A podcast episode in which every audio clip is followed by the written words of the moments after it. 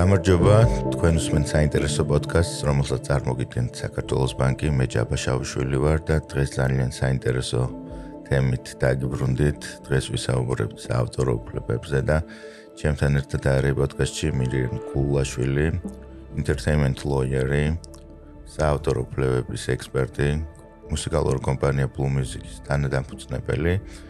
მირო არის ერთ-ერთი იშვიათი გამონაკლისი საქართველოში, როგორც ვიცი, რომელსაც კონკრეტულად აი გასართობი ინდუსტრიის, ცოტა ცუდად ითარგმნება ამაზე ვლაპარაკობთ პოდკასტის დაწყებამდე.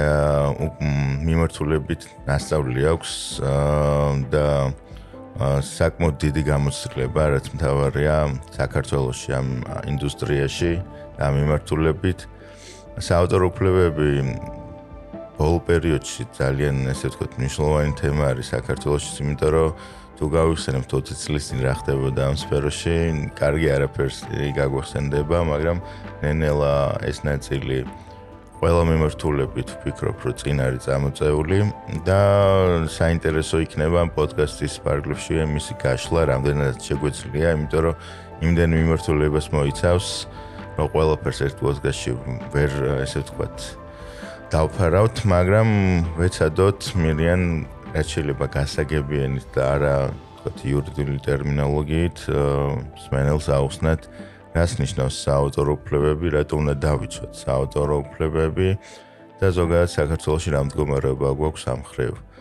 პირველ რიგში მადლობა როგეწვია. მოგესალმები, მოგესალმები ჯაბა, მივესალმები სმენელს. მადლობა მოწვევისთვის. ჩემთვისაც ძალიან საინტერესო ამ ფორმატში საუბარი.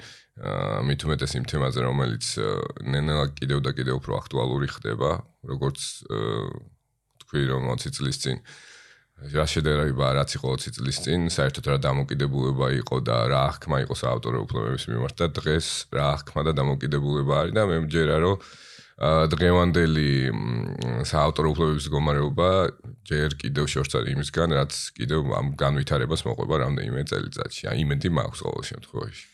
ძალიან კარგი. მოდი ყოველთვის ჯობია რომ მარტივი შეკითხვით დავიწყოთ და ყველაზე მარტივი შეკითხვა ამ მიმართულებით მექნება რა არის საავტორო უფლებები შენი განმარტებით და ალბათ რაც ალბათ იდენტური იქნება რაც საერთაშორისო მიღებული ტერმინია. აა რა არის საავტორო უფლება? ანუ რა სახის საკუთრება და რას ფლობს თუნდაც ეს უფლების ფლობელი? ეს ორი ისეთი კითხვაა. აა რისი კარგად ახმარს ეხმარება ნებისმიერ თუნდაც უფლების ფლობელს თუ ამ უფლების გამოყენებელს უკეთ გაერკვეს ამ სფეროში. მარტივად და ბუნებრივად ახმად ახმადი მიმართულებით და არა თქვა ციღმეებში იმიტომ რომ სფერო ამოუწურავი რა არის ავტორო უფლება და ავტორო უფლება არის საკუთრება. თუმცა საკუთრების ცოტა სხვანაირი ფორმა. ეს არის ავტორის ვინ შექმნა ნაწარმოები საკუთრება თავის ნაწარმოებს. მოკლედ რომ თქვათ. ანუ შემოქმედი იქნება ეს კომპოზიტორი, იქნება ეს მწერალი, რომელიც თავის ლიტერატურულ ნაწარმოებს წერს. იქნება სცენარისტი, იქნება მაგალითად რეჟისორი კინოს და ნახატის ავტორი, ხატვარი. ნებისმიერი ანუ შემოქმედი, რომელიც ნაწარმოებს ქმნის, მას აქვს თავის თავისებური საკუთრების უფლების სახე, ანუ საავტორო უფლება მის ნაწარმოებს. მოკლედ რომ ვთქვათ, სადაც არის ნაწარმოები, იქ არის საავტორო უფლება. თუ არ არის ნაწარმოები, საავტორო უფლება იქ არ არის. აა ხოლო რა სახით გამოიხატება, როგორ გამოიყენება, რა სახის უფლებებია, ანუ ეს კიდევ უფრო თოდაურცელი თემაა, მაგრამ აა სანამ მაგამდე გადავალ, თვითონ ამ საკუთრების ბუნებაზე მინდა ორი სიტყვით ვისაუბრო. აა როგორც თქვით, საავტორო უფლება ეს არის საკუთრება, ანუ მე რომ ვარ ავტორი, ვფლობ ამ ნაწარმოებს, რაც დავწერე. თუმცა ჩვეულებრივი მატერიალური საკუთრებისგან განსხვავებით, თუ მაგალითად მატერიალურ საკუთრებას მე რომ აქვს კონკრეტული ნივთი, ფიზიკური ნივთი გავასხვისებ და ის მეორე ადამიანი ამ ნივთს აიღებს და საკუთრებას ფლობს, საავტორო უფლება ცოტა სხვანაირია. ჩემ ნაწარმოებს, როგორც წესი, მე არ ვასხვისებ. არამედ უფლებას ვაძლევ, რომ გამოიყენონ. დაუშვათ, იქნება ეს ტელევიზიაში, იქნება ეს კონცერტზე შესრულებაში, იქნება ეს დისკის დაბეჭვაში, თუ ნების ნებისმიერი, თუ სიტყვაზე, თუ ლიტერატურული ნაწარმოებია, ციგნის გამოცემაში და ასე შემდეგ. ანუ ჩემი ნაწარმოების საკუთრების ფლობა გამოიხატება არა განკარგვით, გაყიდვით, არამედ ნებართვის მიცემით, რომ სხვა გამოიყენოს და გადამიხადოს ჰონორარი. ანუ თავარი ბუნება ამ საკუთრების არის კლავ წარმოება, რომ კლავ წარმოებადია საავტორო უფლება. ეს არის და ეს განსხვავებით მატერიალური საკუთრებისგან, რომელსაც გაასხვისებ და უკვე შენი აღარ არის. ამ შემთხვევაში, როდესაც დაწერ ნაწარმოებს, შენ გინარჩუნდება ეს უფლება,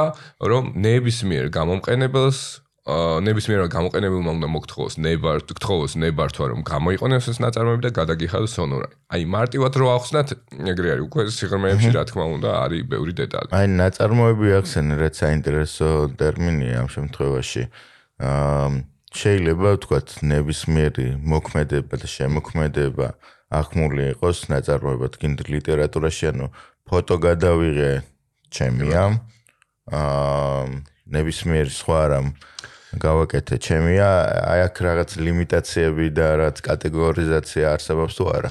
აა კარგი კითხვა ნაწარმოები რა არის? მაგის გარკვეული ტიპის ახსნა თვითონ კანონში არის. პირველ რიგში ნაწარმოებად რო იყოს ახმადი ბუნებრივია ის უნდა იყოს რაღაც გარკვეული ინტელექტუალური შემოქმედებითი შედეგი. ანუ ავტორმა გარკვეული ინტელექტუალური შემოქმედებითი წვა უნდა გასწიოს და შემდეგად შედეგად ეს ნაწარმოები შედგეს. მეორე მხრივ ეს ნაწარმოები უნდა იყოს სადღაც, სადღაც ფიზიკურად არსებული, ანუ თუ მუსიკალური ნაწარმოები ან ნოტებზე დაწერილი, თუ ლიტერატურული ნაწარმოებია ფურცელზე გადმოტანი, ანუ გონებაში ნაწარმოების დაფიქსირების გარეშე არსებობა ავტორს არ წარმოუშვებს, არ წარმოუშვებს ავტორისთვის უფლებას. ეს მეორე. აა მესამე ის არის რომ ეს ნაწარმოები ალკარგიანობის მიხედვით, ანუ არ განისაზღვრება რა ჟანრის არის, კარგია, ცუდია, ლექსი კარგი რითმა თუ ცუდი რითმა, უბრალოდ უნდა იყოს ინტელექტუალური შემოქმედების შედეგი და არა კონკრეტულად რაღაც იდეა, რომ მე მაგალითად მაქვს იდეა, რომ სიტყვაზე ქუჩაში მოძრაობა ასე კი არ იყოს, ისე იყოს. ეგ არ არის ნაწარმოები, ნაწარმოები არის უფრო სხვა რამე ქმნილება, რასაც ავტორი ქმნის. აა შესაბამისად ნაწარმოების უკვე ჩამოყალიბებული სახე ავტორს უკვე აძლევს იმის უფლებას რომ მასე დაიცვას თავისი უფლებები და თუ სხვა გამოიყენებს მოსხოვს ჰონორარი. ეს არის მოკლედ ასე ვთქვათ რა რა სახის არის ნაწარმოები და კიდევ ბარემ აქ აქ შევეხები ერთ ნაწილს რასაც ხშირად ხვდებით ამ სფეროში რომ ტერმინოლოგიურად ამობენ რომ ჩემი იდეა დავაპატენტე, ჩემი საავტორო უფლებები დავაპატენტე და ასე შემდეგ და ასე შემდეგ. აქ მინდა ხაზი გაუსვა რომ პატენტი და საავტორო უფლება ერთმანეთისგან მკვეთრად განსხვავდება. პატენტი არის სულ სხვა სფეროს ობიექტი, ასე ვთქვათ, ხოლო საავტორო უფლება არის მხოლოდ ნაწარმოებზე. ხოლო პატენტი გაიცემა იმაზე, როდესაც ადამიანი გარკვეულ გამოგონებას გამოიგონებს ამ გამოგონებას და ამ გამოგონებას შემდეგ დაარეგისტრირებს საქართველოს მაგალითად საკპატენტში. აი, მაგაზე გაიცემა პატენტი, ხოლო საავტორო უფლებასთან კვეთა საერთოდ არ აქვს.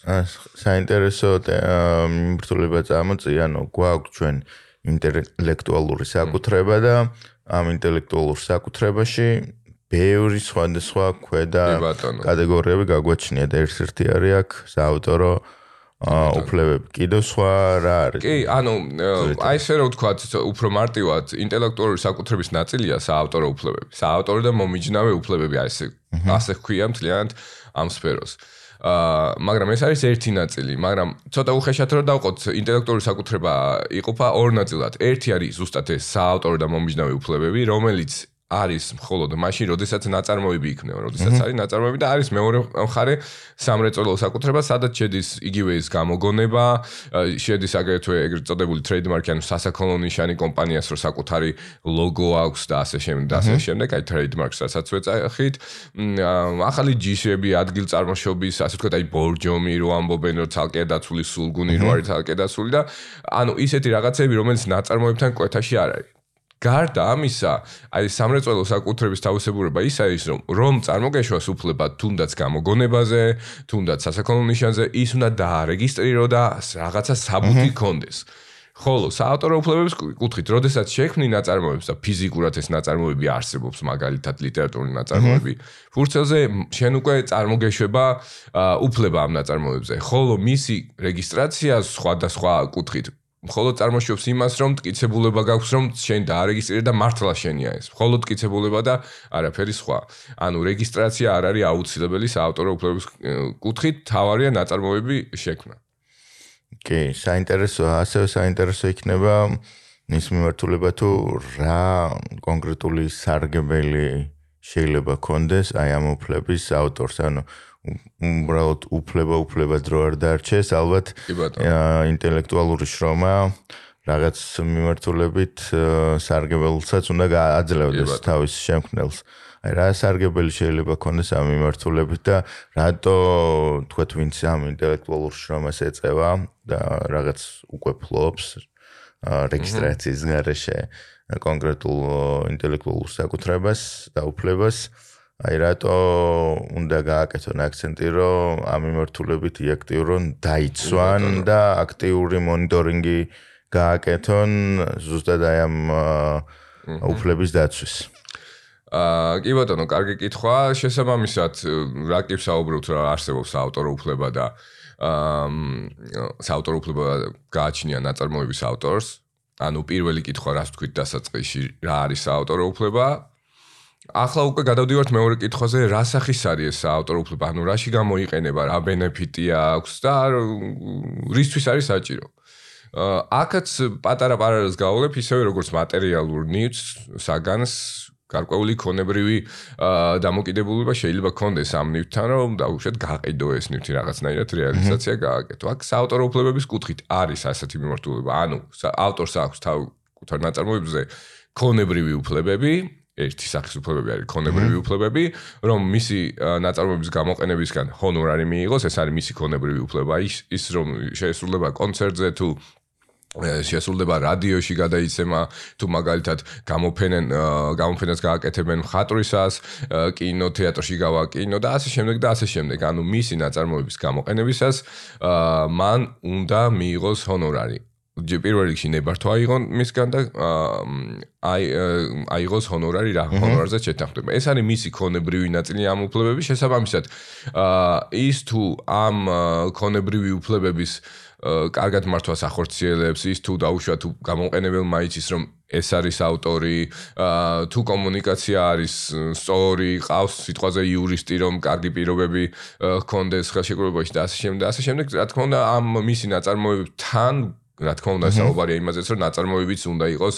აა ცუდი ტერმინია შეფასებითი კატეგორია. ანუ ალბათ უფრო მასიური ალბათ უფრო იმ პროდუქტის საინტერესო რომ ხო კომერციულად მისთვის მომგებიანი იყოს მისი ნაწარმოების ქონებრივი უფლებების რეალიზაცია. მას გარდა ქონებრივი უფლებების აქვს არაქონებრივი პირადი სახის უფლებები, რაც არ გამოიყენება, ანუ ჰონორარის კუთხით, გამოიყენება თუნდაც იმ კუთხით, რომ მაგალითად მას აქვს უფლება რომ აგრერებული იქნეს ავტორად. ანუ თუ დაიბეჭდა მისი ციგნი, რომ ეწეროს რომ ავტორი არის ის, აგრეთვე აქვს სახელისუფლება იმ კუთხით, რომ თუ არ უნდა რომ გამჟღავდეს ფსევდონიმი ქონდეს. ანუ პირადი უფლებები რაშიც იგი ჰონორარს კი არ იღებს, არამედ იცავს მის დამოკიდებულებას საკუთარ ნაწარმოებზე, რომ აღიარონ ავტორად, სახელი მიუთითონ, ფსევდონიმი მიუთითონ, არ დაამახინჯონ მისი ნაწარმოები და ასე შემდეგ და ასე შემდეგ. ეს არის მისი პირადი არაქონებრივი უფლებები.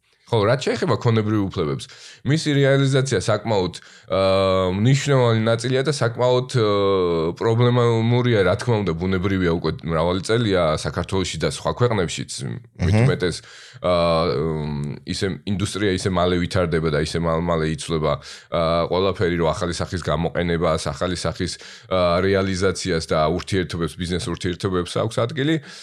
ბუნებრივია ამის დაცვის სხვადასხვა პრაქტიკა არსებობს და არსებობს და იარსებებს მომავალში. აა ერთი კითხვა მაქვს, ვინაიდან უფლებებზე საუბრობთ, სავარაუდოდ ამის ყველაფერი, ესე ვთქვათ, ფუძე, სადაც საკანონმდებლო მიმართულებითაც უნდა იყოს.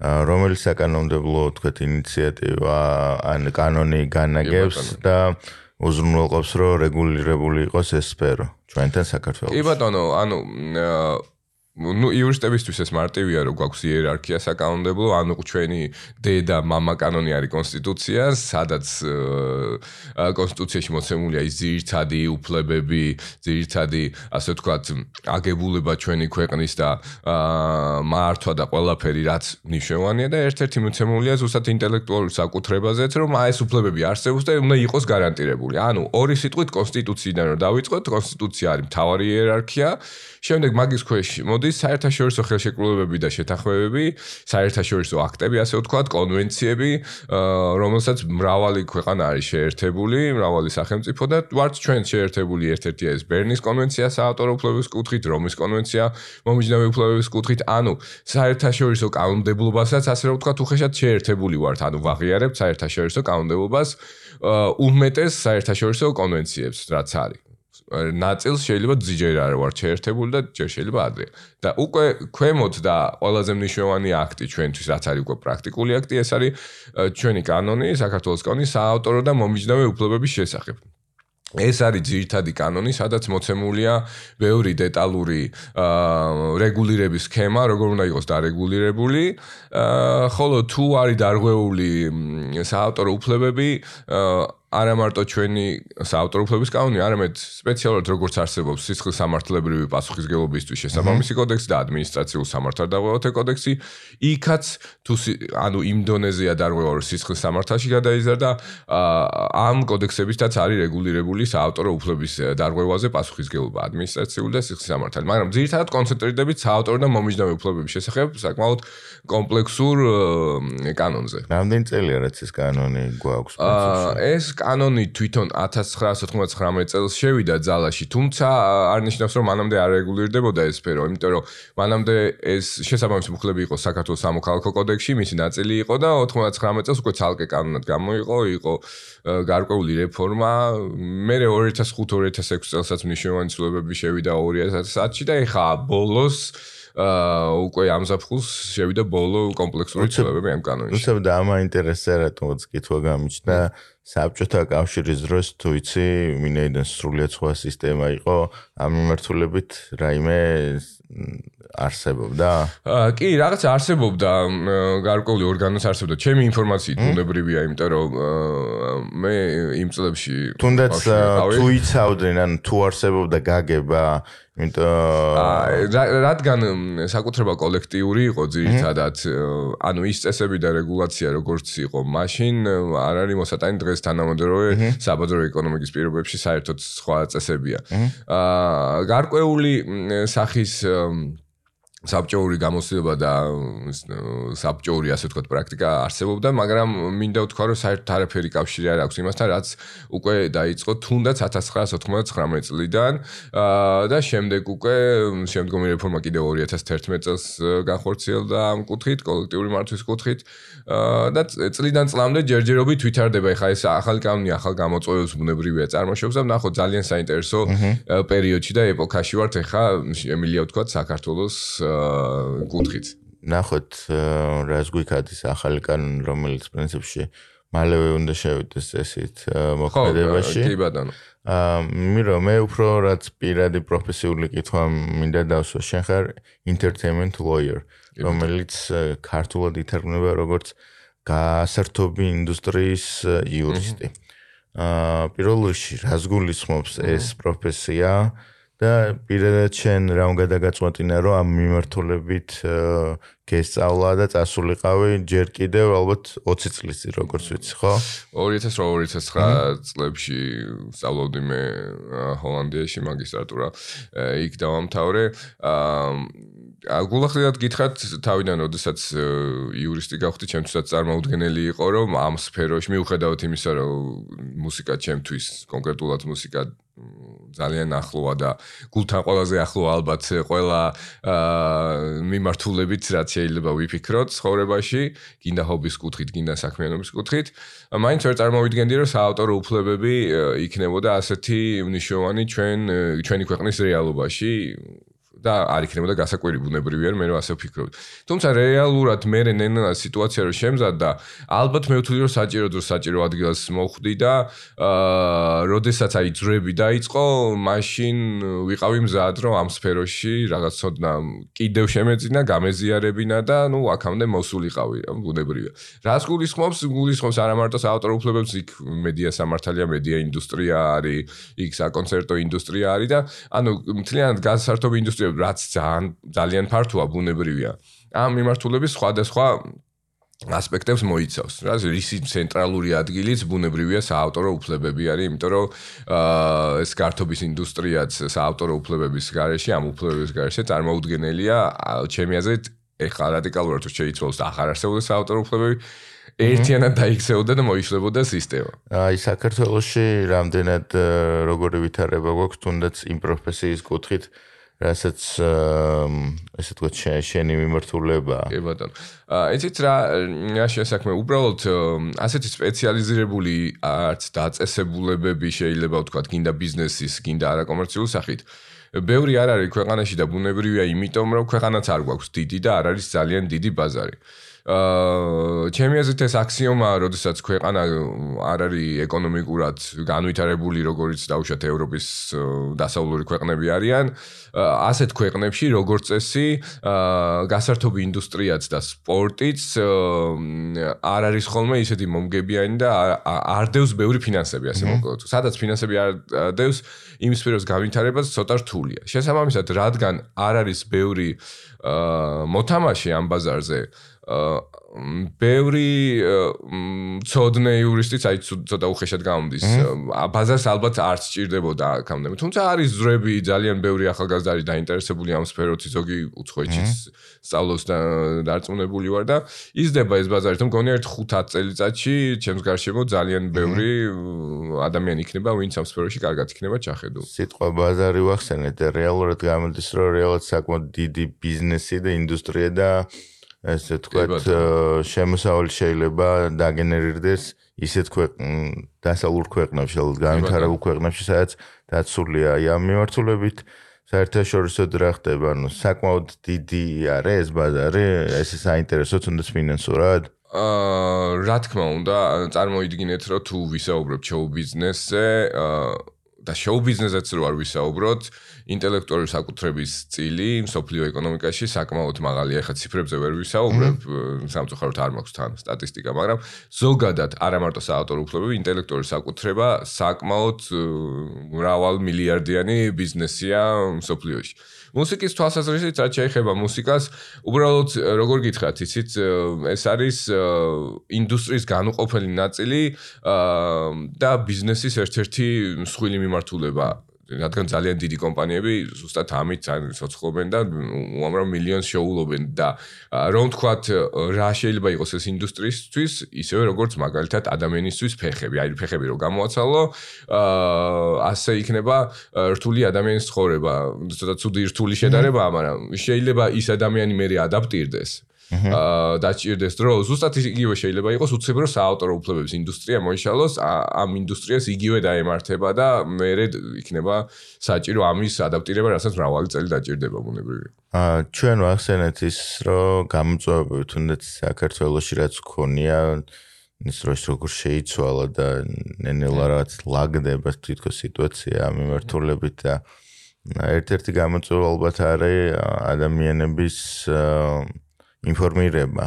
ამ უფლებების არსებობის შესახებ, რა ტიპის უფლებები არსებობს, იმიტომ რომ ჩვენ თუ გონია რომ რაც კონკრეტულ ნიუტს ფიზიკურად ფლობთ, მას ყოველს უფრთხილდებით და თუ ვინმე მოგვარა, რა თქმა უნდა, პოლიციაში მივდივართ და ვაცხადეთ ამის შესახებ, ვიწყება გამოძიება და სასამართლო და მთელი ეს პროცესი, რა თქმა უნდა. მაგრამ იგივეს გაგება საავტორო უფლებების მიმართულებით ყოველთვის ნაკლებად არსებობდა განსაკუთრებით ალბათ ვიტყოდით რომ იმ ეპოქაში იმ ციფრულ ერაში სადაც ჩვენ ახლა გვიწევს მოძრაობა შეგიძლია დაასახელო ძირითადი ესე თქვათ გაუცნობიერებლად სხვა ასე თქვათ განსხვავებული მოსაზრებები და ასე თქვათ ტყუილი შეხედულებები შეძენცდარი შეხედულებები საავტორო უფლებების შესახებ რაც აი საქართველოსში ხალხში ადამიანებში ჭარბობს ხშირად ხოლმე კი ბატონო რა თქმა უნდა პირველ რიგში თვითონ იმაზე ვისაუბრე, რამდენად ახმანდია თვითონ რა არის ავტორო უფლებები და ხშირად მსმენია, რომ დავაპატენტე ჩემი უფლება და იდეა დავაპატენტე და ჩემს ავტორო უფლება მაქვს და ასე შემდეგ, რაც თვითონ პროდუქტის მიმართ ახმა არის არასწორი რა არის ავტორო უფლებები.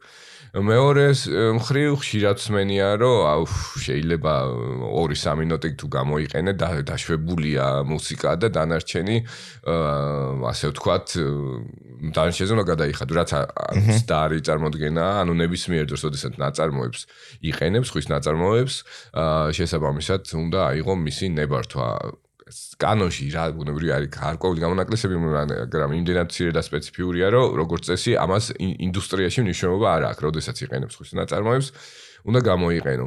მესამემც და არის წარმოდგენა ის არის რომ არა მე კი ამას კი არ ვიყენებ გადავაკეთე და ჩემი ვერსია.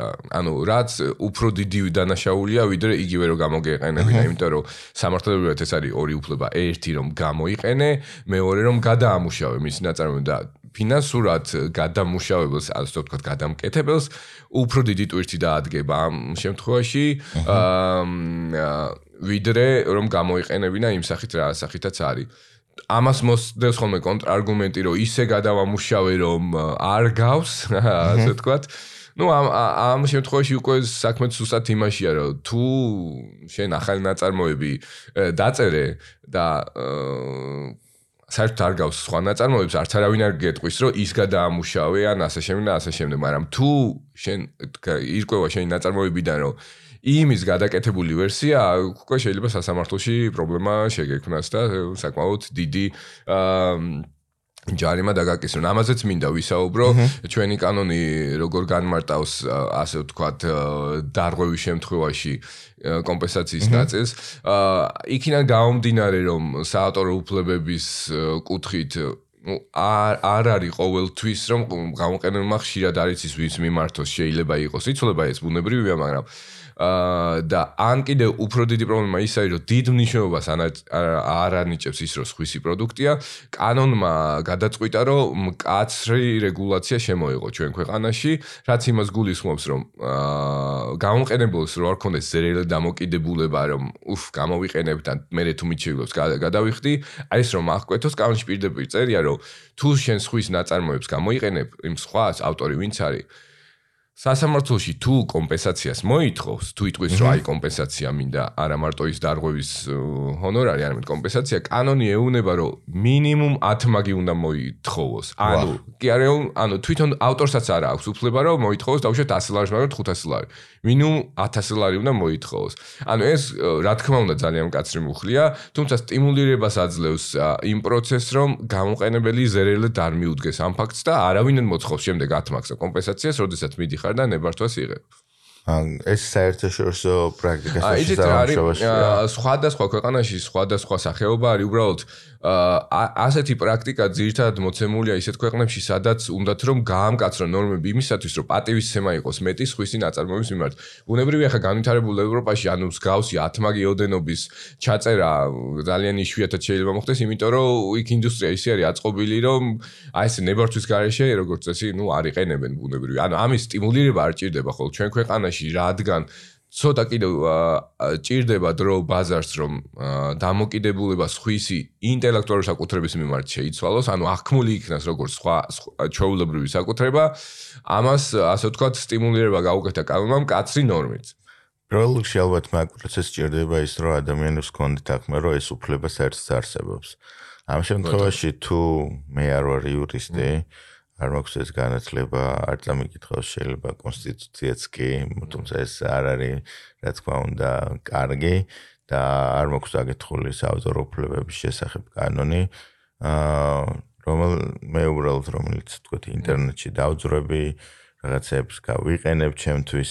ამ შემთხვევაში აა საიდან უნდა მოვიდეს რიგით ჩვეულებრივ ადამიანთან ინფორმაცია ამის შესახებ, თუნდაც რა არის დარღვევა და რა არის დარღვევა, ან თუნდაც რაღაცის გამოყენებასთან შესახებ, როგორი დამოკიდებულება უნდა გქონდეს, როდესაც რაღაცა მოეწონება, თქვათ ინტერნეტში, იმიტომ რომ მაინც ხშირად ალბათ ამ პერიოდში უფრო ინტერნეტზე გავაკეთებთ აქცენტს, იმიტომ რომ გამოყენება ხშირად იმდენად მასობრივია, რომ კონტროლი რთულია, მაგრამ თუ მოხდა ესეთ შემთხვევა, რა უნდა მოვინიშნოთ თავში? კი ბატონო, უმრავლესად ინფორმაციას რაც შეეხება დარღვევა და ეგრეთ წოდებული ლეგალური გამოყენება არ მიდის უშუალოდ მომხმარებელზე, ეს მიდის ინდუსტრიის სხვადასხვა სფეროზე. მაგალითად, თუ გაქვს რესტორანი, რო იცი რომ მუსიკაზე უნდა გადაიხადო, შენ ამ ინდუსტრიის წარმომადგენელი ხარ, ბიზნესის და აა არა ჩეულებრივი რიგითი მოქალაქე, რომელმაცაც არ წაუკითხავს კანონი. როგორც რესტორნის პრობლემა იცი რა რეგულაცია კვების უნივერსალურსაც უნებობის კუთხით, ამ კუთხით ინფორმაციაც უნდა გაგაშეს ცუდი სათქმელია, მაგრამ არსებობს შესაბამისად უკვე ამ ხელგამოცდილება და ძირითადად ინდუსტრიის ყველა წარმომადგენელს ძირითადად ვიძახი თუ მაგალითად სარეკლამო სააგენტო ხარ და მუსიკის გამოყენება გინდა ამ ბაზარზე რო ხარ იცი რომ რაღაც სხვისი საკუთრებაა და უნდა ნებართვაიო ანუ ეს პრობლემა უფრო და უფრო მცირდება, იმიტომ რომ შესაძაც ინდუსტრიაში მოდის ადამიანი, რომელმაც უნდა ააგოს თავისი ბიზნესი ინტელექტუალური საკუთრების საავტორო უფლების გამოყენებით მას უკვე რაღაც დონეზე ინფორმაცია აქვს და აქ მაქვს რომ მას ჭირდება შესაბამისი ნებართვა. რა თქმა უნდა პირველ რიგში სახელმწიფოსაც გააჩნია დიდი როლი ამაში, იმიტომ რომ გვაქვს სპეციალური უწყება ინტელექტუალური საკუთრების კუთხით, რომელიც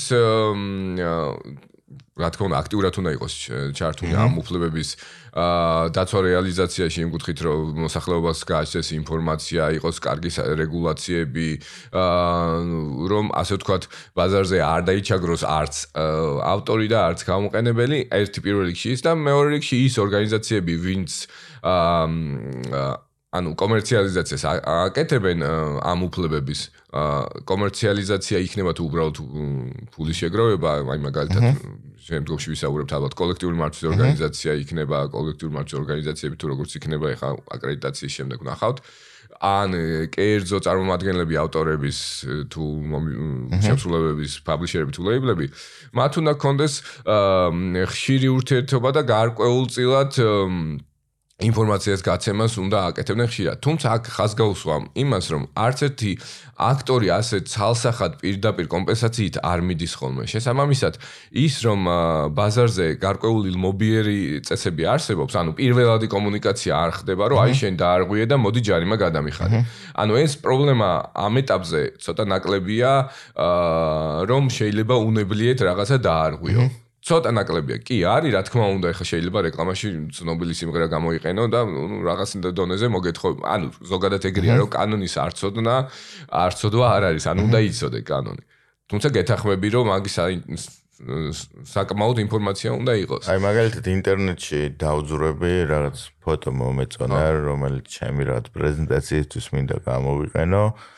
აა და ყოველთვის უნდა დავფიქრდე, რომ პირველი ყოველთვის ფიქრი უნდა მომივიდეს, რომ ეს მე არ მეკუთვნის და ეს შეიძლება პოტენციურად ეკუთვნოდეს სხვას. ეს ხო, ძალიან ძალიან ისეთი გამოთქვა ამას ინაჯაბა შენც იყავი მომსწრე, რომ თქვი გარკვეულ აუდიტორიაში, რაც შენი არ არის სხვისი, ანუ მოცემულობა ზოგადად ცხოვრებაში ეგრეა, რაც შენი არ არის სხვისია. ეგ ერთი. თუმცა საინტერესო საკითხი შეეხე, არსებობს გარკვეული სახის გამოყენებები, იშვიათი და ანუ ცოტა სადაც შეიძლება შენ არ მოგიწიოს გადახდა, თუნდაც აი კონკრეტული ფოტო რომ გამოიყენე ლექციაზე სადემონსტრაციო და ანუ ამას რაღაც კონკრეტული ის მიზანი აქვს რომ შენ საგანანათლებლად გამოიყენე კონკრეტულ აუდიტორიაში და მხოლოდ პატარა მოცულობი და მაგალითად ამ ფოტოების გამოფენა არ გააკეთე. ანუ გარკვეულ ნაწილში ეს არის დაშვებული და იმას ვიცახი რომ ფიზიკური პირი ახლა რომ გარკვეულ რაღაცას ან გადმოწერ ან უყურებ ან რაღაცა. მაინც უფრო ნაკლებად არის ამ ინდუსტრიაში დარღვევის სახე იმიტომ რომ რეალურად ეს მოეთხოვება ვინც გთავაზობს ამ სერვისს რომ ის იყოს ლეგალური მაგალითად იქნება ეს ფოტოსტოკი იქნება იქნება ეს ფილმების მუსიკის თუ სხვა რეალიზატორი. ან უფრო ძირითადად დამღვევებად აქ არიან ინდუსტრიის წარმომადგენლები ვინც ამას იყენებენ არა პირადი დამოკიდებულები პირადი ასე ვთქვათ სარგებლობის საინტერესო მიმართულება შენ რამდენჯერ ახსენე ტერმინი კომერციალიზაცია აქვს რამე მნიშვნელობა რომ რაღაცას იყენებ კომერციალიზაციის მიზნით და რაღაცას უბრალოდ იყენებ შენთვის არ ვიცი გასართობად შეიძლება რა. ამ შემთხვევაში თავად უფლების მფლობელისთვის აქვს რაიმე მნიშვნელობა თქვა ვინც დაარღვია ეს უფლება კომერციალიზაციის მიზნით გააკეთა თუ არა? კი ბატონო, კაი კითხვა. მაგას არ აქვს მნიშვნელობა, მაგრამ აქვს პირადულობას მნიშვნელობა. ანუ სიტყვაზე შენ თუ შეიძინე დისკი, მუსიკალური დისკი, შენ პირადად რომ უსმენ სახში, რამდენიც არ უნდა მოусმინო შენ შენი ოჯახის წევრთან ერთად, ანუ მისი კლავ გამოყენება და ასე თქო მოსმენა ლოგიკურია, რომ პირადი გამოყენება შეგიძლია. თუმცა როდესაც ამას ინდუსტრიაში იყენებ, მიუხედავად იმისა, ეს ინდუსტრია კომერციულად მომგებიანი, არა კომერციულია, საქველმოქმედოა თუ არა, ამას მნიშვნელობა არ აქვს უფლების მფლობელის კუთხით. ანუ ამისთვის მაქვს ხოლმე მაგალითი, როდესაც შენ შედიხარ, ფიზიკური მატერიალური ნივთის მაგალითი, როდესაც შენ შედიხარ მაგალითად მაღაზიაში, აა იღებ ნივთს და არ უხდი მაღაზიას ფულს, რადგან ეუბნები რომ ეს არა ეს საქველმოქმედოა ეს სიტყვაზე უნდა დაურიგო ბავშვებს. რატომ გადაგიხადო ფული? ხომ საქველმოქმედო. აბსოლუტურად იგივეა, როდესაც არ ეუბნები ავტორს, ნებართვას არიღებ ავტორისგან და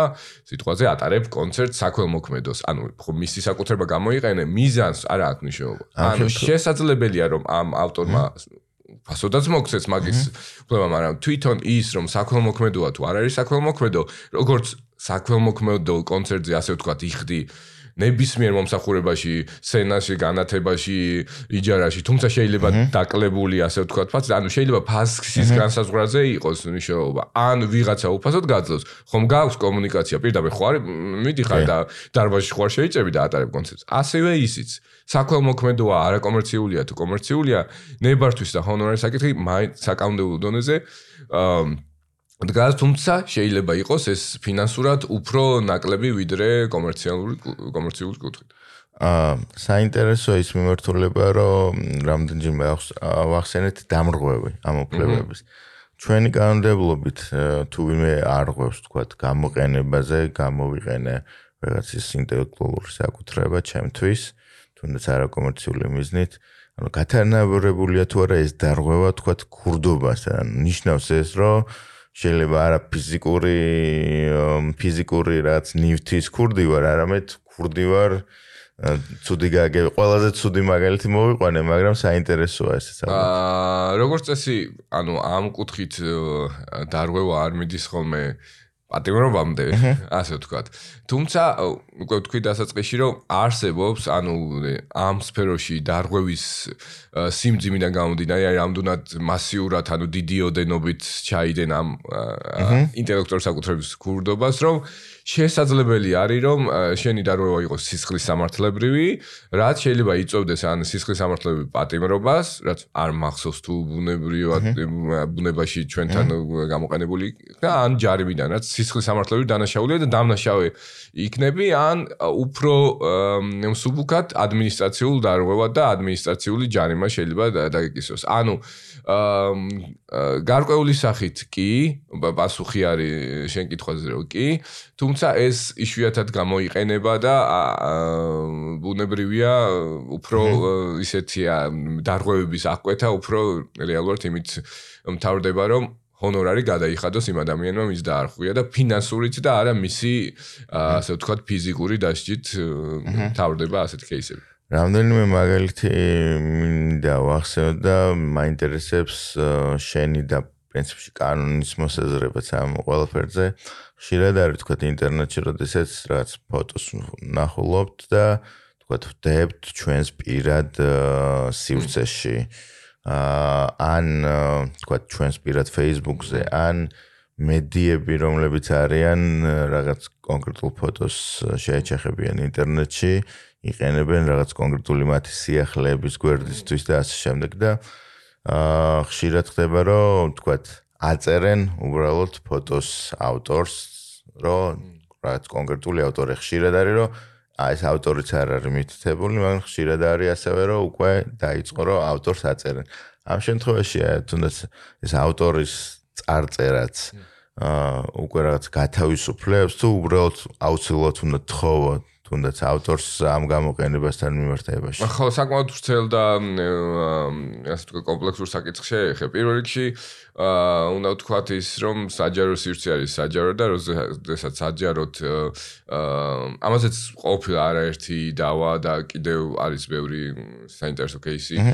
იმაზე რამდენად პირადია თუ საჯაროა, თუნდაც შენი Facebook გვერდი არა შენი Facebook პროფილზე დადება და ასე შემდეგ და არის სხვადასხვა მოსაზრება სხვადასხვა кейსები, მაგრამ ძირითადად ახლა როცა საუბარია ცალსახად მედია არის, კომპანია არის, რომელმაც ეს გამოიყენა, ბუნებრივია აა ჭირდება ამას ნებართვა.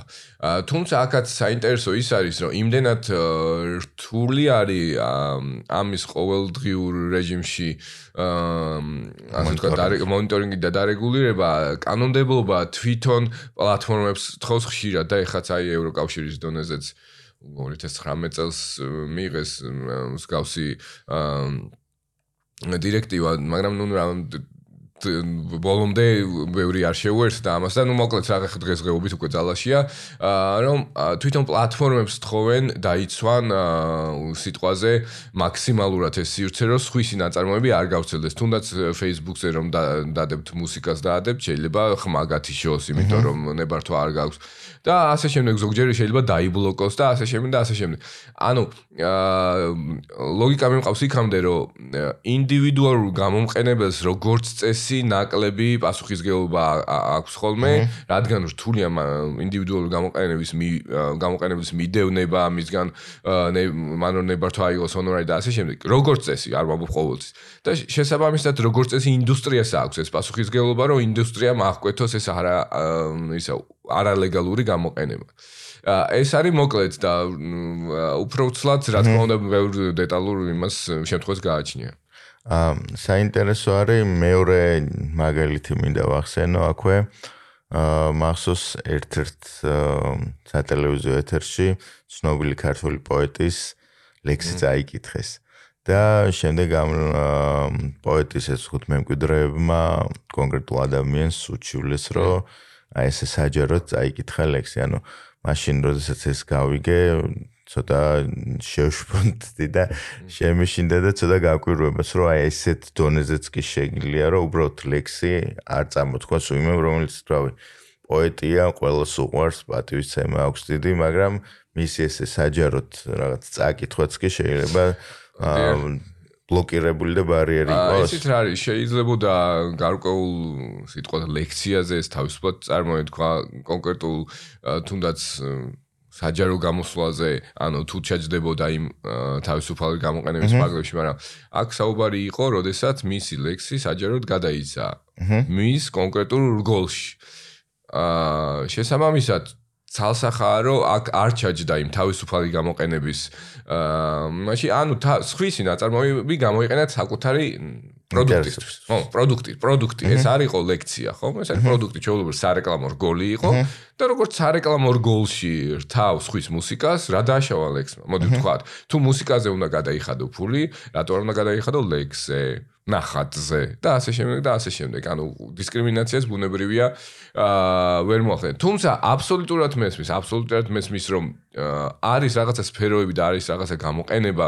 ეხა არ მინდა მოვიყვანო მაგალითი, იმიტომ რომ ისეთ სიღრმეებში შევალთ, რომ გარკვეული სახის პროტესტს წარმოშობს მომხმარებელში და აღქმა ცოტა რთულია, მაგრამ სამწუხაროდ ბუნებას ავტორუფლებების ასეთი ცოტა რთული და სპეციფიური აღსაქმელია და ამიტომ არის საჭირო რომ ყველა აქტორი ვინც არის ამ იქნება ეს ბიზნესი თუ იქნება უბრალოდ ინდუსტრიის რაღაცა არაკომერციული ნაწილი ჩართული იყოს ამის ცნობიერების ამაღლებაში. შესაბამისად, როდესაც აა მეტი ისეთ სიტყვით რომ ვთქვათ, კარგი გაგებით კულტურა გაჩნდება ამ ნაწარმოებების პატივისცემის და აღქმადობა რომ ეს არის ხვისი საკუთრება, ნაკლები იქნება მსგავსი პროტესტი. მირო უნდა გადავიდეთ შემდეგ საკითხს რამდენჯერ ვახსენეთ ინტერნეტ სივრცე და ინტერნეტ სივრცე და ინტერნეტის გააქტიურებამ თუნდაც 30-20 წლის წინ ამ ინდუსტრიისთვის ძალიან ბევრი გამოწვევა გააჩინა, ძალიან ბევრი პრობლემა და რაღაცების თავიდან გადააზრების საკითხიც დასვა. აა თუ გახსენდება იმ პერიოდში შენ ალბათ იწყებდი უკვე სწავლას ამ მიმართულებით. აა რა რა გაუკეთა ინტერნეტმა აი ამ ციფრულმა სივრცემ აა საავტორო უფლებებს, როგორ ესე ვთქვათ, რთული განხადა საავტორო უფლებების დაცვა, იმიტომ რომ იქამდე კონტროლი რაღაცის მაინც შეეგეძლო, მაგრამ დღეს ინტერნეტი უკვე მეტნაკლებად დღემდე ბოლომდე უკონტროლო სივრცეთ რჩება მეტად. კი, კი, ეგ პრობლემა არა მარტო ეხა არ დაიწყო ეხა უახლოესი რამდენიმე წლის პერიოდში, არამედ დაიწყო უკვე кай ხანია. აა და ზუსტად მაგ პერიოდში, როდესაც მე ამ ინდუსტრიაში შემოვედი, თვითონ ამერიკელები ამბობდნენ, რომ ეს არის ფაქტიურად როგორ ვთქვა, აი ერთ თავს რო ამოყოფს და ერთ თავს რო წააცლი, მე მეორე თავს იქიდან ამოყოფ და ანუ რაც გახდა რთული ამ სფეროში არის მიკვლევა უკვე გამოყენებლის და დარღვევი, დამრღვევის, იმიტომ რომ ხშირად ყოფილა რომ მაგალითად სხვა ქვეყნის დომეინიდან ვრცელდება და ანუ ძალიან ბევრი და კომპლექსური პრობლემაა იმ დროს, როდესაც ფიზიკურად უკვე შენ გამოყენებლის მიკვლევა, მოკლევა მიგნება გიწევს ამ გამოყენებთან ურთიერთობა გიწევს, თან სწრაფლად ამის აღკვეთა რთულია, თუ მაგალითად არ გაქვს ეფექტური საკანონმდებლო სისტემა, სანამ სასამართლოში უჩივლებ კონკრეტულ ვებსაიტს და წლები გავა, უკვე ანუ შენ ეფექტური აღარ არის და აღარ არის შესაბამისად მომგებიანი და ანუ რეალიზება და უფლების განხორციელება არ არის ეფექტური. მოკლედ რო ვთქვა. აა წლები ამ ამ ინტერნეტში დარღვევას ებრძვიან, ეგრეთ წოდებულ პირადობას, მან მეკობრეობას, ქართულად რო ვთქვა, ბუნებრივ მეკობრეობას ებრძვიან, სხვა სხვა სისტემების და არაერთი სისტემა იქნა გამოსული. მათ შორის აა ის, როდესაც რთულია მაგალითად დამრღვევის მიგნება, ანუ ვინც ავრცელებს ამ პროდუქტს, აა მაგალითად მიიღეს ესეთი პრაქტიკა, რომ ვინც უყურებს ამ პროდუქტს, აა მას პირველ რიგში მისდის წერილი, მაგალითად იყო ასეთი პრაქტიკა, რომ თქვენ არ ღვევთ მაგალითად არა ლეგალური ვებგვერდიდან უყურებთ ან ასე შემდეგ. ხოლო შემდეგ შეიძლება ინტერნეტი გაეთიშოს ან სიჩქარე და დაუგდონ და ასე შემდეგ. საინტერესო. ანუ შეიძლება ვინც მაყურებელია იმესაც კი, კი, არის. ხო, ესეთი letter notice ერქვა ამ პრაქტიკას, რომ ჯერ ნუ აფრთხილებდნენ. რა თქმა უნდა, არის თუ შესაძლებელი ბლოკავენ ამ ვებგვერდებს გარკვეულ ტერიტორიით. აა ზოგჯერ პროვაიდერებს ეუბნებიან, რომ აა შეუნელონ ასე ვთქვათ, აა ტრაფიკი და ასე შემდეგ. ანუ ორი ორი მიმართულება იყო პოპულარული. ერთი არის თვითონ მომხმარებელს რომ შეუჩერონ ინტერნეტი და მეორე ISP liability law, რომელიც ახლა ჩვენთანაც რამდენიმე წელია მუშავდება და რამდენი წელია უკვე მაღაზიაში საუბარი, ანუ ინტერნეტ სერვის პროვაიდერ ვინც ინტერნეტის მომსახურებას თავაზობს, ჩვენთან საქართველოსი ბევრი არ არის ეგეთი კომპანია, დიდები რამდენიმეა, ну ვიცით.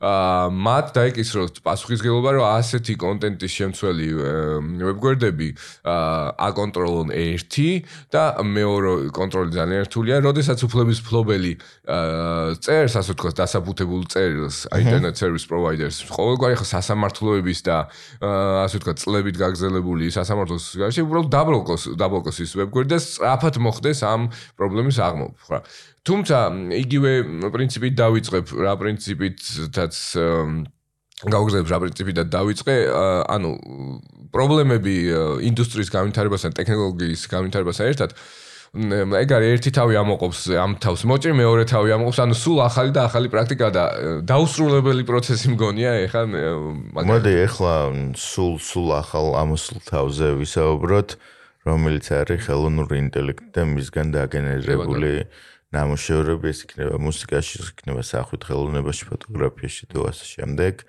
აა ვიცით ბოლო რამდენიმე წელია პლატფორმები რომლებიც ტექსტს აა აუდიოს, ვიდეოს აგენერირებენ და შესაბამისად რაღაც კონკრეტულ ბაზებზე აქვს ცნობა, საიდანაც მოკლედ რაღაც კონკრეტული შედეგიც დგება.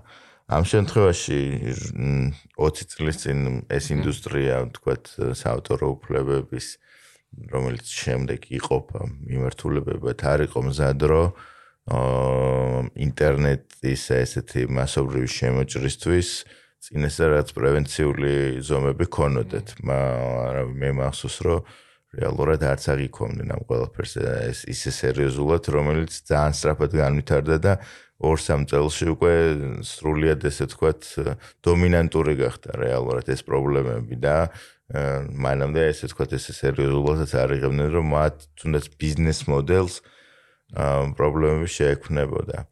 დღეს უკვე როგორც ვახსენე, ახალი თავი ამოსული ხელოვნური ინტელექტის თვალსაზრისით თუ ისწავლა ამ ინდუსტრიამ წინა გამოცდილებიდან რაც 20 წლის წინ ქონდა თუნდაც საავტორო უფლებებთან მიმართებაში და თუ ატარებს დღეს უკვე რაღაც პრევენციულ ზომებს იმას რომ აა ზოგადად როგორ რეგულირდება არის თუ არა რაღაც უკვე ერთიანი აა გაგება ეს ხელოვნური ინტელექტის მიერ დაგენერებულ კონტენტზე ვის აქვს უფლება და აქვს თუ არა ვინმე საერთოდ.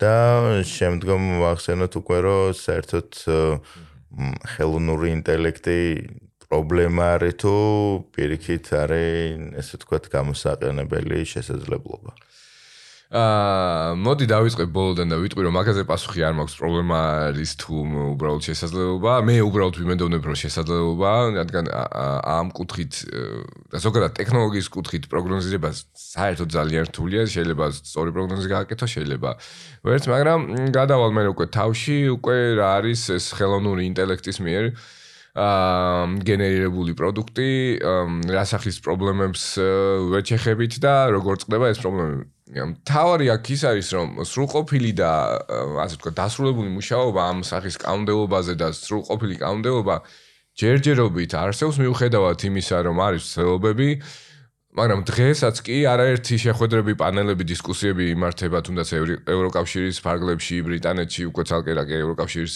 წევრი აღარ არის და აა მრავალი საინტერესო დისკუსია არის ამ მიმართულებით. პირველ რიგში ეს დისკუსია რომელიც ჯერჯერობით ჩემი ინფორმაციით გადაუჭრელ აა კითხოთ რჩება ეს არის თუ აა ორი რამე ერთი ვისია ეს პროდუქტი და რა უფლებები უნდა კონდეს ვისიც არის და მეორე როდესაც იქნება ეს პროდუქტი თვითონ ამ AI-ს, ანუ ამ დეველოპერი იქნება თუ კომპანია, ეს ბაზარო შექმნას უნდა გადაიხადოს თუ არა ფული.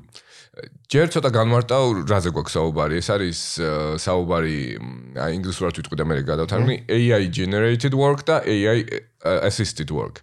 აი მეორე AI assisted work ეს არის ხელოვნური ინტელექტის აა და ზოგადად ტექნოლოგიის მცირე დახმარებით, ანუ გარკვეული თულები, მექანიზმები არსებობს, რომლის უბრალოდ ასე ვთქვათ, ისეთ ენაზე რომ კომპიუტერის დახმარებით რომ შექმნით ნაწარმოები, მაგალითად Photoshop-ით აა გააკეთეთ ნაწარმოები, აქ არ არის რომ თვითონ ხელოვნურმა ინტელექტმა შეიქმნა. ან ნებისმიერი ხელოვნური ინტელექტით, თუნდაც Photoshop-ზე არ ვისაუბროთ, ხელოვნური ინტელექტის სხვა ფორმით, უბრალოდ კონკრეტულად რომ დაგეხმარათ თქვენ გარკვეული ამ ფუნქციონალით რომ თქვენ შეგექმნათ ნაწარმოები. ამ შემთხვევაში არის არის საუბარი AI generated work როცა გენერირებული იქნა თვითონ ნაწარმოები ხელოვნური ინტელექტის მიერ. აი ზუსტად აქ არის პრობლემა. ა პირველ რიგში რომ იყოს გენერირებული ხელოვნური ინტელექტის მიერ, მას უნდა კონდეს გარკვეული ბაზა. როდესაც ის ქმნის იქნება ეს ნახატი მუსიკა თუ ასე შემდეგ, მას უნდა კონდეს ბაზა შესაბამისი მუსიკის ნახატის და ასე შემდეგ ალგორითმი რომ სწორად დაალაგდეს და აა მას კონდეს შესაძლებლობა რომ აა თქვენ დაგეხმაროთ და შექმნას თავად ნაწარმოები, აი ეს ბაზა რომ მოიპოვოს, თუნდაც ის მუსიკალური ნაწარმოებები, აი კითხვა ჯერჯერობით ღია არის თვითონ ის ვინც აკეთებს შესაბამის პროგრამას, უნდა გადაიხადოს თუ არა ჰონორარი იმ უფლების ფლობელებზე თუნდაც მუსიკაზე ავიღოთ ხო? ვის ვის ბაზაზეც ან მუსიკალურ ნაწარმოებსაც ტვირთავს თავის ბაზაში ერთნი ამბობენ რომ ეს არის ჩვეულებრივი მომენტი, როდესაც შენ სახში ხარ და გიტარაზე სხვა სიმღერებს უკრავ, სწავლ შენ ხო სწავლობ, ანუ ხო არის ხდი ფულს იმაში რომ სხვა სიმღერებს, ანუ როცა გიტარას ამ შემთხვევაში სწავლობს AI. ხო, ხო, აი ერთი არიან ამ კუთხით მიმართულებით მიდიან, ხოლო მეორე კუთხით მიდიან რომ აუცილებლად უნდა გადაიხანო. შესაბამისად უკვე არა უფლების დონეზე, არამედ უკვე ამ ასეთი სახის პროგრამების და ასეთი სახის ტექნოლოგიის შექმნისას უკვე შექმნისას უკვე ნიშნავენია ისეთი ქვეყნის კაუნდელობა, სადაც აირჩევენ რომ უბრალოდ ხელოვნური ინტელექტი სწავლობს. შესაბამისად, მაგალითისათვის თუ ბრიტანეთი გადაწყვეტს რომ ხელოვნური ინტელექტის მსგავსი პროგრამის შესაქმნელად არ არის საჭირო ნებართვა, ბიზნესი უკვე კონცენტრირებული იქნება იქ და უფრო იაფი იქნება მან მსგავსი ბიზნესის დამზადება. ერთი საკითხი ეგ არის, სად როგორ მოაქცევენ საბოლოო გადაწყვეტილებას, როგორ მიიღებენ და იქნება თუ არა ეს უნივერსალური თუ ესე ორად გაყოფილი ერთი. ხოლო მეორე საკითხია ზოგადად ვის ეკუთვნის ეს პროდუქტი პროდუქტი და რა სახით ეკუთვნის? ეკუთვნის ეს დეველოპერს, ვინც აკეთებს ამას თვითონ ამ კომპანიას, რა ფუნქციონალით, რა უფლებებით და დაუშვათ ვისაუბროთ იმაზე, რომ კომპანია AIM დაამზადა კონკრეტული შესაბამისი პროგრამა, რომლის საშუალებითაც ჩვენ ამას ვიყენებთ. აა აქვს თუ არა ამ კომპანიას იგივე რაცაც ქონდა საუბარი ქონებრივი უფლებები ნებისმიერი გამოყენებისას. არის ეს შეზღუდული ვადაში თუ აი აი ეს კითხვები ჯერჯერობით არ არის ბოლომდე პასუხგაცემული და აი აი ზუსტად ერთ რამეს დავამატებ. ეს არ არის პასუხგაცემული კითხვები თუმცა ამაზე უკვე რაღაცა ბაზა რაღაცა პროექტები არსებობს საუბრები არსებობს და ამ ეტაპზე საქართველოსში საერთოდ ალბათ გაგება გვაქვს ამის სამართლებრივი კუთხით ბუნებრივია და არა ფუნქციონალის კუთხით. ძალიან ანუ დამწყებიც არ ვართ. არც დაგვიწყი ამაზე მსჯელობა მე რამდენადაც მე ვიცი. კი და პრინციპში გამოყენებას დღითი დღე უფრო და უფრო მეც ვაწყდებით რეალურად ჩვენს ქვეყანაში. ცნო რაღაც AI-ის ეგზისტენციალური კითხვები ალბათ ეს რაც ჩამოვთვალე და ალბათ გაეცემა. ნუ მეც ვიმედოვნებ რომ აა შესაძლებლობა ეს ყველაფერი დარწმუნებული ვარ ინოვაციას უნდა მიყვეთ მაგრამ რა თქმა უნდა ამავდროულად უნდა დავიცვათ საავტორო ერთ პატარა განმარტებას გავაკეთებ რაც იმასთან კავშირში იყო ხო თქვი რავადი და ასე შემდეგ. ჩვენ არ გვითხოვს ერთ-ერთი მთავარი ნაწილი საავტორო უფლებების. რავადაში არის ეს საავტორო უფლებები რაც მნიშვნელოვანია რომ მსმენელმა იცოდეს როდესაც მე დავწერ ნაწარმოებს ამ ნაწარმოების გამოყენებაზე ანუ ქონებრივი უფლებები რომ ნებართვა აიღონ და ჰონორარი გადაიხადონ საკმაოდ ბევრი წელი გრძელდება. ანუ ავტორის გარდაცვალებიდან 70 წლის განმავლობაში მისი მუსიკალური ნაწარმოების იქნება თუ ლიტერატურული ნაწარმოების ნებისმიერი ნაწარმოების გამოყენება საჭიროა რომ ნებართვა აიღო და გადაიხადო ჰონორარი. ანუ მისი მემკვიდრეები უკვე ავტორის გარდაცვალებიდან 70 წელი ქონებრივ უფლებებს ინარჩუნებენ, ხო, არა ქონებრივ ზოგჯერ გაცილებით დიდი ხანი უვადოთ.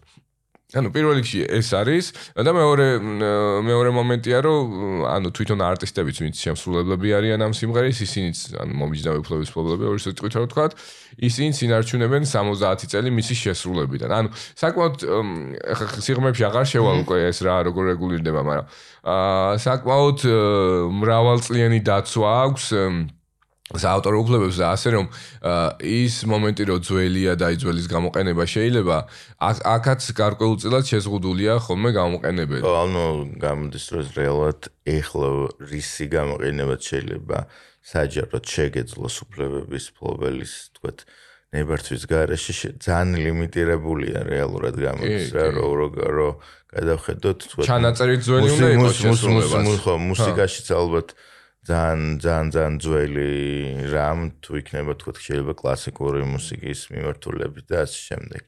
აა მოდი ისე საქართველოს საქართველოს კონცენტრირდეს და საინტერესოა თავად უფლებების დაცვა ამ შემთხვევაში. ერთი არის დარღვევა, მეორე არის უკვე დაცვა. აა ხშირად ჩვენ ვახსენეთ რომ ცნობიერება არ არის ამაღლებული, რომ თქვათ რაც შენი არ არის, ესე იგი სხვისია და უნებართოდ ხელი არ მოკიდო და არ გამოიყენო. მეორეა თავად ეს ინფორმაციის არსებობა თავად უფლებების ავტორებში. ანუ რამდენად და გაგება ამ ყველაფრის საქმეს რომ ამ ზგავს უფლებას ფლობენ და ზგავსი თქვათ თუნდაც კომპენსაციის მოთხოვნის შესაძლებლობა აქვთ. ანუ სრულ სრული უკვე მათზეა დამოკიდებული რა თქმა უნდა. ამ მიმართულებით პირველ რიგში რამდენად აქვს ახმა საქართველოსში რომ რაღაცას ფლობენ რაღაცა სიმღერა დაწერეს. თუნდაც ფოტო გადაიღეს. აი სიმღერა დაწერას ალბათ კიდევ ხშირად შევხვდებით რომ კი ნამდვილად აი ფოტოს რო იღებ რაღაც შენთვის უბრალოდ და უცებ შეიძლება შევხვდეს გამოყენებული. აი ამ მიმართულებით რამდენად აქვს ახმა ავტორებს თავად და მეორე არის ვინ იცავს ამ მათ უფლებებს? იცავს თუ არა ვინმე ასე ყველანაირი რეგისტრაციის garaში? აა, კარგი, ძალიან კარგი კითხვა. ნიშნავანია, რა თქმა უნდა და კარგი, ასე ვიტყოდი, არა აუცილებელი არ ამეთ. კარგია, როდესაც უფლების ფლობელი გარკვეულია თავის უფლებებში. აა, თუმცა ეს ისეთი სფეროა, რომ უფლების ფლობელი კი არა, თვითონ იურისტებსაც ძალიან ხშირად ამ სპეციფიურობის გამო უჭირთ აა ამ რეგულაციების ზუსტი აღქმა. შესაბამისად, თუნდაც რო ავიღოთ განვითარებული ბაზარი უცხოეთშიც ხა მე დარწმუნებული ვარ უფლების ავტორების რა ვიცი 1%-საც არა აქვს ეს დეტალური კი არა ძალიან ისეთი წარმოდგენაც რა როგორ რეალიზდება. ამის გამოსავალი რა არის? ამის გამოსავალი არის ორი რამე. პირველ რიგში თვითონ ინდუსტრია უნდა მუშაობდეს სწორად. ანუ ის კომპანიები ვინც არიან პასუხისმგებელი რომ სიტყვაზე შემომქმედის ნაწარმოები რეალიზებული იყოს და მან მიიღოს ჰონორარი. ისინი მუშაობდნენ გამართულად და ამაზე მნიშვნელოვანი არის თვითონ გადამხდელები მუშაობდნენ ნორმალურად. ანუ თუ გადამხდელი არ გადაიხდის ფულს უკვე ყველაფერი დაკარგულია. შესაბამისად მიუხედავად იმისა, რომ ავტორს არ მოეთხოვება ცოდნა, და ვიძახით რომ ავტორს არ მოითხოვება ცოდნა, რატომ უნდა მოითხოვებოდეს გამოყენებელს, ხო, ცოდნა? მაგრამ აქ ხაზგასასმელია ის, რომ გამოყენებელს არ მოითხოვა და ყველა გამოყენებელს არ მოითხოვება ყველაფრის ცოდნა. ანუ უბრალოდ, როდესაც სიტყვაზე ისევ რესტორნის მაგალითს მოვიყვან. როდესაც რესტორანს ხსნი და სად რა როგორ რეგულირდება, იცი ის მინიმალური ცოდნა გამოყენებელს უნდა კონდეს რესტორნის კუთხით. მაგრამ შეიძლება არ იცოდეს რა და როგორ მოიქცეს თუ დაუშვათ ტელევიზია გამოიყენებს ან გამოფენა, მაგრამ თავის კუთხით ყველამ რომ იცოდეს ეს მინიმალური ცოდნა. ინდუსტრიაც შესაბამისად ბუნებრივია რომ რო უკეთ იმუშავებს. ანუ რაღაცნაირად უნდა იყოს ეს ცნობიერების ამაღლება აა სწორად მიმართული და ყველა ინდუსტრიის წარმომადგენელმა თავის კუთხით უნდა იცოდეს გარკვეული მინიმუმი. იმიტომ რომ ამის დეტალურად ცოდნა რომ აი დაუშვათ ავტორმა იცოდეს ეს ყველაფერი კარგად, აი როგორც გითხარით იურისტმაც არის. შესაბამისად რთულია ამის მოთხოვნა, აა მაგრამ თუნდაც ზოგად დონეზე ქვეყანაში ცნობიერების ამაღლება, რა თქმა უნდა, ძალიან მნიშვნელოვანი. ეხლა დაცვას რაც შეეხება დაცვას. აა დაცვას და მართვას შორის გარკვეულ პარალელს გავავლებ. როგორც წესი, ეხლა როგორც ჩვენ საკუთრებას ვიცავთ პირადად, ასევეა ინტელექტუალურ საკუთრებასაც იცავ პირადად. აა მაგრამ არის გარკვეული გამოყენება, ანუ როდესაც შენი ჰონორარი, რომელიც გეკუთვნის, უნდა მიიღო და ამ სახის გამოყენებაზე, ჰონორარის მიღებაზე სხვაზე გაქვს გადანდობილი, ბუნებრივია ამ ჰონორარის მიღებაზე ვიზეს გადაანდობ ის არის პასუხისგებელი და აქ მინდა ორი სიტყვით ვისაუბრო, მე რო ვარ ავტორი, რა სახით შემიძლია მივიღო ჰონორარი გამოყენებაზე.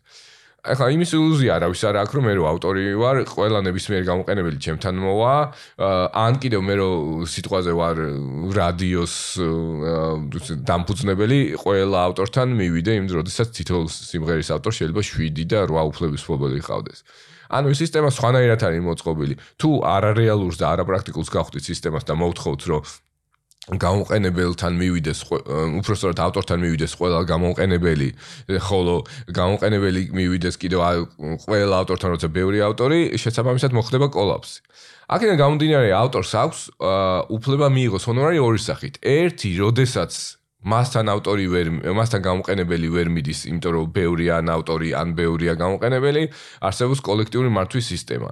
რაც ნიშნავს იმას, რომ ავტორები ერთიანდებენ კონკრეტულ კოლექტიური მართვის ორგანიზაციაში, და ეს კოლექტიური მართვის ორგანიზაცია ამ ბევრ გამოყენებელთან მიდის და ამ ბევრი ავტორის ნაწარმოებებზე ფულის გადახდას, ანუ ჰონორარის გადახდას საერთო ტარიფებით თავაზობს. ანუ ეს არის ერთი მიმართულება, რომელიც გამოიყენება მხოლოდ იმ შემთხვევაში, მხოლოდ იმ შემთხვევაში, როდესაც ავტორის რეალიზაცია თავისი ჰონორის მიღების არის რთული ინდივიდუალურად. ანუ, როდესაც არის მაგალითად რადიო, როდესაც რადიოში ბევრი სიმღერა გადის, როდესაც არის მაგალითად ბევრი ბარი, რესტორანი, კაფე, როდესაც არის ბევრი ტელევიზია და ასე შემდეგ. ასეთ შემთხვევაში ავტორი საკუთარ ჰონორარის უფლებას, ჰონორარის უფლებას იცავს კოლექტიური მართვის ორგანიზაციის მეშვეობით, ხოლო თუმცა მას რჩება ისეთი ჰონორის მიღების უფლება, რომელიც შეიძლება ინდივიდუალურად მოგვარდეს, ასე ვთქვათ.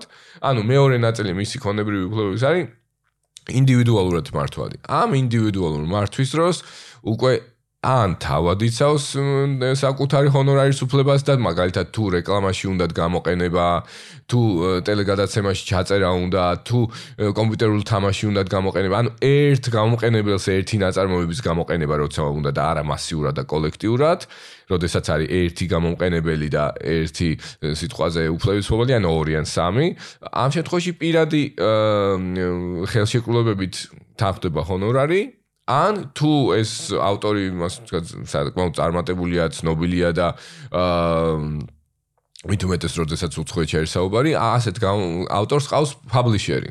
ანუ კომპანია, კომერციული კომპანია, არა კოლექტიურის მართვის ორგანიზაცია, რომელიც არა კომერციული.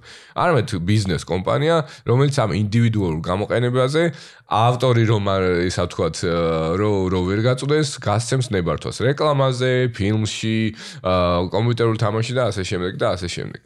Ეს კომპანიები ვახსენე, რომელსაც კომერციული დატვირთვა აქვს და საინტერესოა, დასაწყისში ვახსენეთ, რომ კომპანია Blue Music წარმოადგენს, რომელიც არის მუსიკალური კომპანია და რომელმაც წელს ზაფხულში გააფორმა კონტრაქტი უდიდეს აი ამ გამომცემელ კომპანიასთან Sony Music Publishing-თან. რა ტიპის კომპანიებია ეს პრინციპში რა ნიშნულობისაა, რომ ესეთი დიდი კომპანია საქართველოში შემოვიდა? ოფიციალურად და რა რა უფლებებს იცავთ ამ შემთხვევაში და როგორ როგორ იცავთ? აა კი ბატონო, Sony Music Publishing-ი ვახსენეთ და ორი სიტყვით რა ვთქვა, მუსიკალური ბაზარი აა დაყოფილი ანუ დიდ ასეთ გიგანტ კომპანიებად და პატარა ბაზრის მოთამაშეებთან. აა დიდი კომპანია თუნდაც აი ეს ავტორფლების კუთხით არის სამი, Sony, Universal, Warner და დანარჩენ პატარა წელს უკვე სხვა პატარა პაბლიშერები ან მუსიკალური გამოცემები მართავენ. 30% 33%-ია თუ არ ვწდები, ანუ მთლიანად სოფლიო ბაზრის Sony Music Publishing-ის, ანუ ყველაზე დიდი მუსიკალური გამოცემებაა და ყველაზე დიდ სოფლიო რეპერტუარს მოიცავს. აა ალბათ რამდენიმე ცნობილი შემოქმედი თუ გაგახსენდებათ დიდი ალბათობით უმეტესობა Sony Music ამიტომ მაგალითებსაც არ მოვიყვან Sony Music Publishing-ის ქვეშ იქნებიან. ამ კომპანიასთან Blue Music მაგა ფორმა ექსკლუზიური ხელშეკრულება, რაც ნიშნავს, რომ საქართველოს ტერიტორიაზე, როდესაც გამოყენებელს უნდა რეკლამაში, ფილმში, ტელეგადაცემაში, კომპიუტერულ თამაში, ანუ სხვა პროდუქციაში, სხვა აუდიოვიზუალურ პროდუქციაში გამოყენება Sony Music Publishing-ის ავტორის ნაწარმოების უკვე ჩვენ გავცემთ ამაზე ლიცენზიას, რაც რა თქმა უნდა საქართველოს ბაზრისთვის ძალიან დიდი და კარგი ასე ვთქვათ ცვლილება. და არა ვთქვათ შესაბამისი რეგიონის რომელიღაც ქვეყნის ფილიალი, ანუ პირდაპირ საქართველოსთან შეუძლიათ მიიღონ ნებართვა. ეს ერთი არის რა თქმა უნდა საერთაშორისო კუთხით და ბუნებრივია ადგილობრივი კუთხით ჩვენი კომპანია ჩვენი კომპანიის მიმართულება არის ერთ-ერთი მიმართულება არის უფლებების მართვა და საერთაშორისო კუთხით წარმოადგენს Sony Music Publishing-ის და აგრეთვე კიდევ ერთ დიდ კომპანიას Extreme Extreme Music-ს, რომელიც არაპოპულარულ, ასე ვთქვათ, ცნობილ მუსიკას, არამედ უშუალოდ რეკლამისთვის, ფილმისთვის სპეციალიზირებულ მუსიკის დიდ კატალოგს მოიცავს, იმიტომ რომ შეიძლება ვთქვათ, რეკლამის გამოყენებელს არ უნდადეს ან არიხდის ეს დიდ ჰონორარს და არც უნდადეს ცნობილი და კონკრეტულად იმ ხასიათის და ამ მიმართულების მუსიკა უნდადეს და აქედან არჩიოს. და ყავს ბუნებრივია ჩვენ რამდენიმე ჩვენი ავტორიც, რომლის აა როგორც კი კოლექტიური და ინდივიდუალური მართვა არსებობს, ამ ინდივიდუალურ მართვას ვახორციელებთ, უფლების მართვას, რეკლამაში და საინტერესოა თავად ქართული ქართველი კომპოზიტორები, მუსიკის ავტორები რამდენად უკვე არიან გათვითცნობიერებული ამ საკითხში და რამდენად აქტიურად მიდის საქართველოსში თუნდაც აი ამ ინდუსტრიაში თანხის შემოდინება, თანხის ბრუნვა. იმიტომ რომ ვახსენეთ, რომ დასავლური საავტორო უფლებების ინდუსტრია საკმაოდ დიდ თანხებზე გადის. საქართველოსში როგორ ხედავ ამის პერსპექტივას შენ, თქვათ, შემდგომი 10 წლის განმავლობაში? აა, კი ბატონო, კაი კითხვა და ალბათ კარგია რომ უკვე ვახსენე რომ უცხოეთში უმეტეს ავტორს ყავს მუსიკალური გამომცემელი და უმეტეს არტისტს ყავს ლეიბლი. ანუ თითქმის არ არსებობს ისეთი ავტორი, რომელიც შეიძლება ვიცოდეთ, ან ისეთი არტისტი, რომელსაც შესაბამისად ავტორს პაბლიშერი და არტისტ ლეიბლი არ ყავდეს და რატომ? მისი ინდივიდუალური თავისი ინდივიდუალური უფლების ინდივიდუალურად გახორციელება არის ძალიან რთული, იმიტომ რომ სხვადასხვა ხელშეკრულებასთან არის დაკავშირებული, სხვადასხვა ურთიერთობის ისეთ ასპექტებთან, სადაც ინდუსტრიის წარმოადგენს გარშე რთულია. შესაბამისად, როდესაც საქართველოსზე ეკითხულობ, იგივეს ვიძახი. სიტყვაზე ჩვენ კომპანიაზე რო ვთქვა, ჩვენ ქვეშ ვინც არის გაწევრიანებული, ჩვენ კომპანია უკვე ამ ინდუსტრიაში უკვე გამოცდილები ვართ და ვიცით სად როგორი ხელშეკრულება დავდოთ, როგორი ჰონორარი მოვითხოვოთ, ხოლო ხშირად სამწუხაროდ ის ავტორები და არტისტები, რომელთაც არ ყავთ ესეთი კომერციული წარმომადგენელი, პაბლიშერი და ლეიბლი, უბრალოდ ჰონორარის გარეშე რჩებიან. შესაბამისად, ამ ინდუსტრიაში აქაც უკვე ხდება აუცილებელი, რომ ასეთ ავტორებს და არტისტებს ყავდეთ საკუთარი ბიზნეს წარმომადგენელი. შესაბამისად, რადგან ჯერ ბაზარზე ასეთი კომპანიაც ბევრი არ არის და შესაბამისად, რადგან ჯერ ეს ესეთი მასიური არ ყოფილა, რაც ახლა ბოლო წლებში მიმდინარეობს, ანუ ეს პროცესი მეც მაინც გონია, რომ შეუქცევადია და შესაბამისად უკვე ეს საგამომცემლო ბიზნესიც და ლეიბლის ბიზნესიც, ანუ ხმის ჩამწერი კომპანიების ბიზნესიც კიდევ უფრო წინ წავა უფლებების მართვის კუთხით და ალბათ უმეტეს უმეტეს ავტორს და არტისტს უკვე ეყოლება თავისი პაბლიშერი და ლეიბლი, რაც ინდუსტრიის რაღაც აუც არა არ არის აუცილებელი პაბლიშერი, მაგრამ მაინც მაინც შეუქცევადი პროცესია, რომ ცნობილ და უწარმოებულ ავტორს ყავდეს პაბლიშერი. აა ძალიან დიდი მადლობა მინდა გადაუხადო მირიანს, იმიტომ რომ საინტერესო საუბარი ქონდა ძალიან ბევრი რამ თქვით, მაგრამ უფრო მეტი ვერც მოვასწრით და შეუძლებელიც არის, რომ ამ ერთ საათში ჩაგვეტია იმის ინფორმაცია, რაც საავტორო უფლებებზე უნდა ვიცოდეთ. ეს იყო საინტერესო პოდკასტი. გახსოვდეთ, რომ რაც თქვენი არ არის ეკუთვნის სხვას, დაიცავით საავტორო უფლებები. ჩვენ შემდგომში შევხვდებით კიდევ უფრო საინტერესო თემებით. მადლობა.